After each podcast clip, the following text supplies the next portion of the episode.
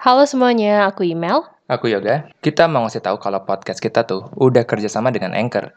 Jadi, Anchor itu adalah aplikasi yang aku pakai buat bikin dan publish podcast ini. Emang apa aja sih keunggulannya? Easy to use, gampang banget buat dipakai. Selain itu, dalam aplikasinya ada fitur-fitur yang kita perluin buat bikin podcast. Nah, hebatnya lagi, Anchor bisa bantu distribusiin podcast kita ke Spotify dan berbagai macam platform lainnya. Satu lagi nih, Anchor 100% gratis guys. So, download aplikasi Anchor dan mulai podcastmu sendiri.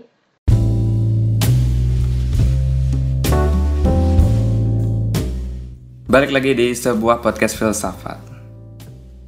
Um, kayaknya lumayan lama ya liburnya. Tapi ya dulu juga sering gini lah ya sebelum ada sponsor.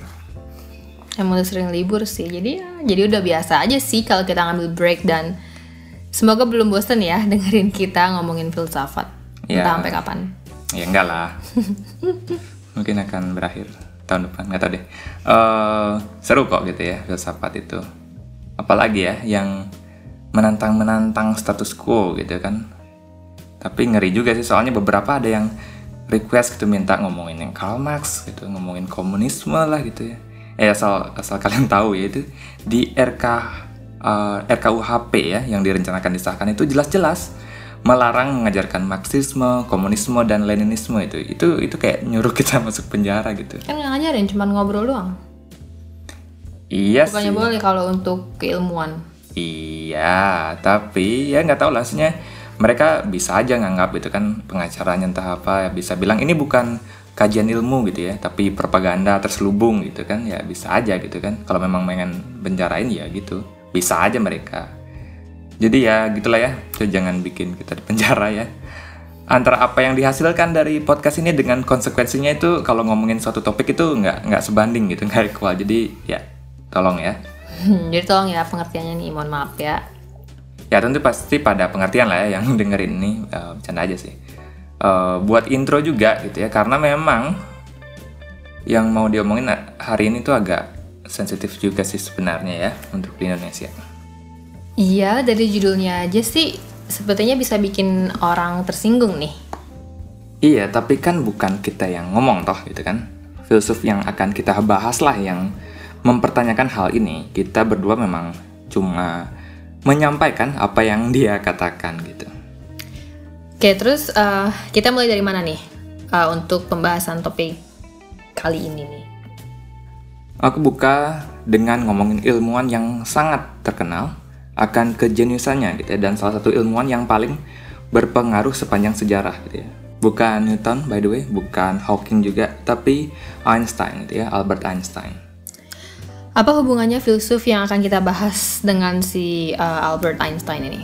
Karena Einstein pernah berkata, saya percaya pada Tuhannya Spinoza yang mengungkapkan dirinya dalam harmoni yang teratur dari apa yang ada. Bukan pada Tuhan yang memperhatikan nasib dan tindakan manusia.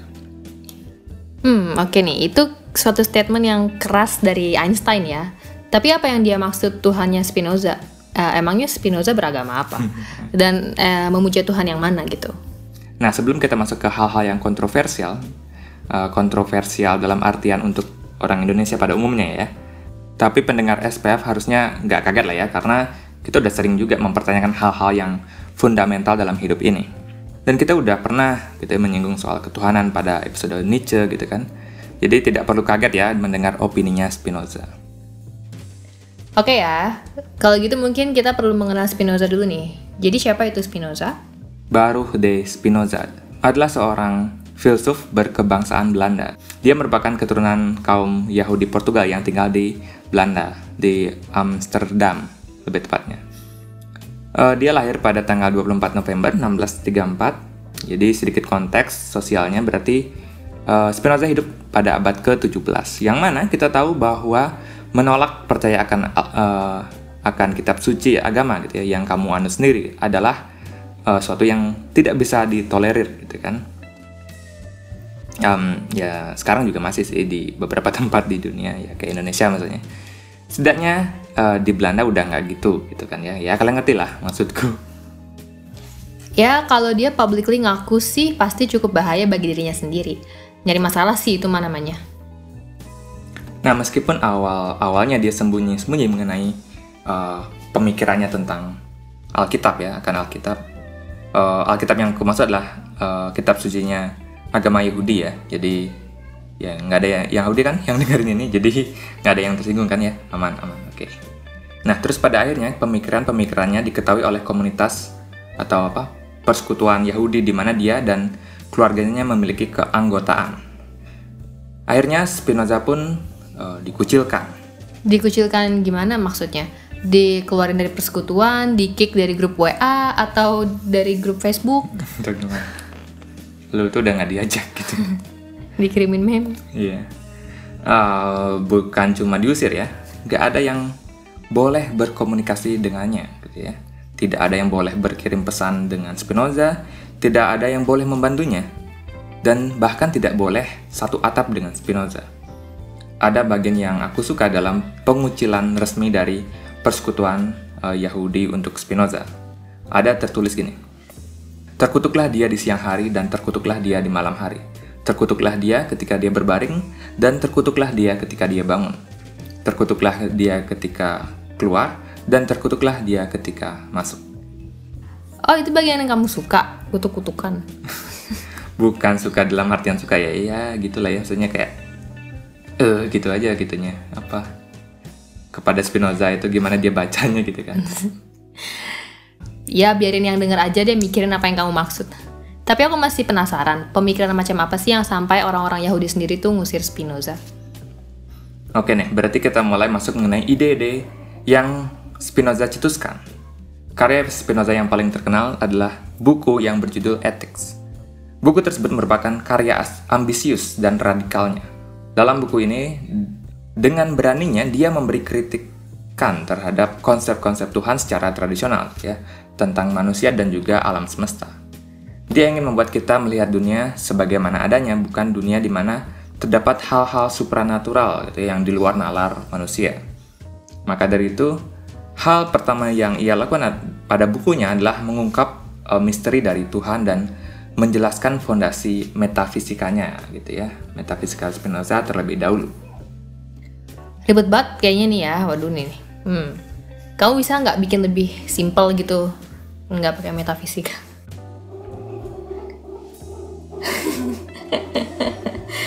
baling-baling bambu. Oke okay, kalau ada yang dengar suara-suara aneh itu ya. Itu maklum lagi di Amsterdam kincir angin. Itu ada tetangga yang uh, macang apa masang kincir air eh. Kincir angin? Kincir air. Masang kincir angin gede banget jadi agak berisik. Oke lanjut ya. Aku coba. Kita mulai pemikiran metafisikanya Spinoza dulu nih. Di dunia ini menurutnya hanya ada dua hal yakni substance dan mode gitu ya. Terjemahnya aku nggak tahu sih pastinya gimana. Tapi mungkin uh, substance ya yang cocok terjemahnya adalah kayak zat atau substansi gitu ya dan mode atau mungkin mode gitu ya, ya atau cara atau apalah gitu ya. Tapi mungkin aku akan tetap menyebutnya substance and mode gitu nah terus apa yang dimaksud Spinoza dengan substance and mode dan mode gitu ya substance adalah suatu yang tidak memerlukan suatu hal lain untuk ada atau untuk dilihat atau diamati gitu lah ya sedangkan mode adalah suatu yang bergantung pada substan untuk ada atau bergantung pada hal lain gitu ya. Jadi substan itu independen, sedangkan mode itu bergantung pada substance. Hmm, mungkin biar lebih mudah dipahami nih, gimana kalau kamu perjelas dengan sesuatu yang konkret gitu yang ada gitu. Tadi kan masih penjelasan abstrak gitulah ya. Katamu tadi semua hal di dunia ini kalau nggak substance ya mode. Nah kalau mic yang depan kita nih, ini apa nih? substance atau mode? Ya, coba kamu pikir gitu ya. Bisa nggak kamu menjelaskan mic gitu, mikrofon tanpa menyebutkan hal lain gitu ya? Jadi, apa itu mic? Gitu? Ya, mikrofon itu alat untuk merekam suara yang nanti suara tersebut bisa didengerin lewat speaker. Nah, terus apa itu alat gitu ya? Nah, apa itu suara gitu ya? Apa itu merekam? Dan kemudian ketika memberi penjelasan tentang alat, alat merupakan suatu yang suatu hal yang kita gunakan untuk mempermudah kegiatan sehari-hari, anggaplah gitu. Terus pertanyaan balik lagi, apa itu mudah gitu ya? Apa itu kegiatan, apa itu hari? Dan terus begitu terus satu hal menjelaskan hal lain gitu ya. Jadi mikrofon bergantung pada hal-hal lainnya untuk menjelaskan dirinya. Berarti mikrofon itu mode ya, mode. Iya. Terus apa dong hal yang tidak bergantung dengan hal lain? Yang benar-benar independen gitu, elemen-elemen dasar kah? Atom? Tapi itu perlu dijelasin juga nggak sih? Kayaknya segalanya bergantung dengan hal lain untuk menjelaskan dirinya deh. Enggak, hanya ada satu hal yang self-explanatory gitu ya, yang sudah menjelaskan dirinya sendiri. Dan sebenarnya kamu udah sebut tadi. Hah? Yang mana? Ya tadi, segalanya, everything gitu ya. Ya, everything. Kita tidak perlu menjelaskan semuanya atau segalanya. Ya, segalanya berarti semua yang ada. Inilah uh, substance menurut Spinoza dan totalitas ini, segala-galanya ini adalah Tuhan. Karena Tuhan yang maha besar ini tidak mungkin dibatasi. Jadi Tuhan ada pada segala hal yang ada di dunia ini. Dan maka dari itu, Tuhan menurut Spinoza juga bisa disebut sebagai alam semesta gitu atau universe, nature, alam, terserahlah kamu menyebutnya dengan kata apa gitu. Jadi uh, atheis yang tidak percaya akan keberadaan Tuhan bisa menggunakan kata lain kayak alam semesta, nature atau apalah yang cocok dengan mereka. Jadi intinya adalah totalitas dari semua ini. Iya, tapi dari sudut pandang konservatif ini adalah pandangan yang berbahaya. Dengan melihat Tuhan sebagai totalitas dari segala yang ada, berarti Tuhan bukan merupakan sosok gitu, bukan Tuhan personal yang melihatmu dari atas sana. Tuhan karena merupakan totalitas berarti Tuhan berada pada dirimu, diri orang lain, dan semua hal yang ada di dunia ini. Tuhan berarti pula gaya yang menggerakkan dunia ini, materi dan hukum-hukum fisika yang ada, gitu. Oh, makanya itu kenapa si uh, apa? Makanya Einstein suka dengan Tuhan versinya Spinoza. Terus, berarti banyak hal yang bakal berubah dong dengan melihat Tuhan versi Spinoza ini. Dan kalau dipikir-pikir, hal ini dapat merubah total hubungan kita dengan Tuhan pada umumnya dong. Jadi, tidak ada Tuhan personal nih yang mendengar dan menjawab doa-doamu gitu. Tidak ada yang menghukum orang, tidak ada yang ngasih reward terhadap tindakan baik. Iya, dan Spinoza mengkritik kegiatan berdoa gitu. Dia melihat berdoa sebagai tindakan di mana kita meminta Tuhan merubah sebagaimana dunia seharusnya berjalan. Itu bagi Spinoza adalah pemahaman yang salah. Karena tugas kita sebagai manusia adalah memahami bagaimana dunia bekerja dan bertindak sesuai dengan peraturan-peraturan yang ada. Bukannya gitu ya meminta Tuhan untuk membuat pengecualian buat dirimu aja gitu. Ya kayak gravitasi lah ya semua akan tunduk di hadapan hukum gravitasi. Entah kamu kaya, miskin, jahat, baik. Ya kan? Yang kita perlu lakukan adalah memahami bagaimana gravitasi bekerja. Benar, karena Spinoza juga sebenarnya cukup ngefans ya dengan pemikirannya stoikisme. Daripada sibuk untuk membuat dunia sebagaimana yang kita ma kita mau gitu, harusnya kita paham bagaimana dunia itu bekerja gitu dan reaksi kita lah yang kita kendalikan atau kita kontrol gitu, bukan mengontrol dunia ada quotes-nya dari Spinoza nih. Uh, Barang siapa yang mencintai Tuhan tidak dapat berusaha agar Tuhan mencintainya sebagai balasannya. Apa maksudnya Spinoza bilang gitu? Mungkin yang ia maksud adalah jika kamu percaya Tuhan yang Maha Kuasa menciptakan dunia ini dengan segala hukum-hukum alamnya dan segala perhitungan beliau gitu ya. Perlu membengkokkan peraturan yang ia buat sendiri hanya demi dirimu itu maaf ya bagi Spinoza itu terlalu naif dan narsis gitu oh jadi bukan maksudnya Tuhan itu tidak mencintai manusia sebaliknya ya hmm, kalau untuk itu seperti yang sudah kita bahas tadi bahwa Tuhan versi Spinoza adalah alam semesta dan segala totalitas yang ada Tuhan tidaklah memiliki emosi-emosi manusia seperti cinta, senang, sedih, amarah, atau apalah itu ya. Itu nggak ada. Itu hanyalah proyeksi manusia terhadap Tuhan karena manusia melihat dirinya sendiri gitu. Aku pernah dengar entah dari mana ya, ada yang bilang gini, kalau segitiga punya Tuhan itu ya, segitiga pasti mengira Tuhan itu berbentuk segitiga juga gitu.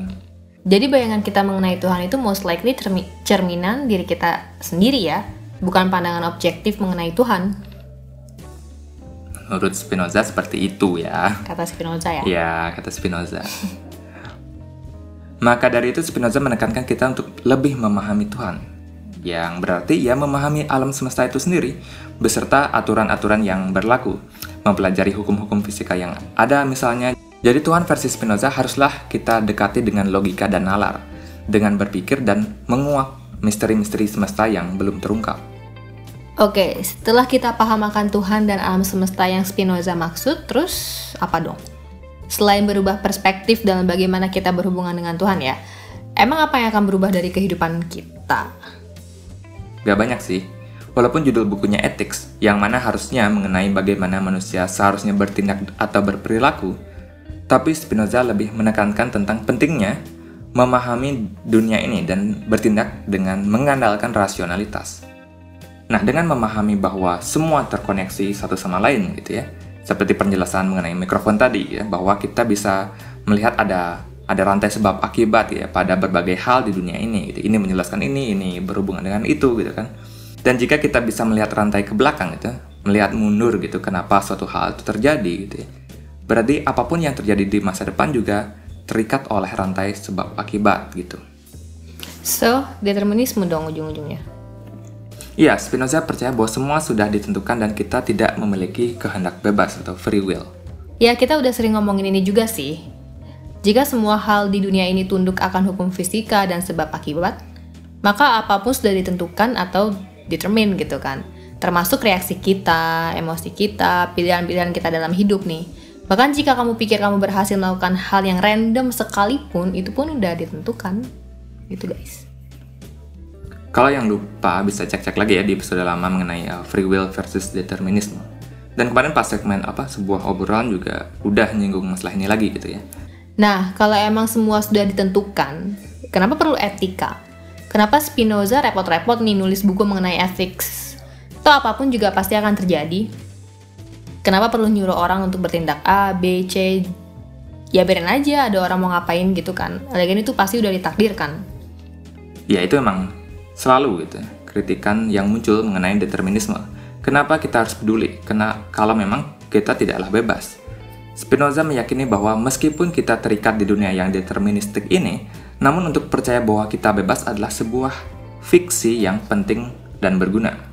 Jadi kayak uang lah ya. Kita tahu itu kertas doang nih. Nilai yang ada pada kertas itu fiksi, tapi sangat berguna untuk kita bisa menukarkannya dengan benda ataupun jasa yang kita perlukan. Ya gitu, dengan memandang dunia dengan sudut pandang deterministik, mau tidak mau kita akan cenderung melihat kebaikan maupun kesalahan orang lain tidak murni karena niat mereka. Ya masuk akal lah dia psikopat gitu contohnya. Background keluarganya bapak ya pemabuk tipikalnya, ibu ya maaf ya PSK gitu kan. Dari kecil sering uh, di abuse gitu, lingkungan gak ada yang peduli. Ya gimana? Emang dia punya pilihan untuk tidak menjadi psikopat gitu ya. Ya nggak usah se ekstrem itu lah ya contohnya kayak anak-anak jalanan aja susah gitu keluar dari lingkaran setan kemiskinan gitu ya. Dan yang kaya dengan segala privilege-nya dan keluarga yang akur, orang tua berpendidikan gitu ya. Untuk jadi manusia yang menyimpang itu agak apa ya, chance-nya low lah situ.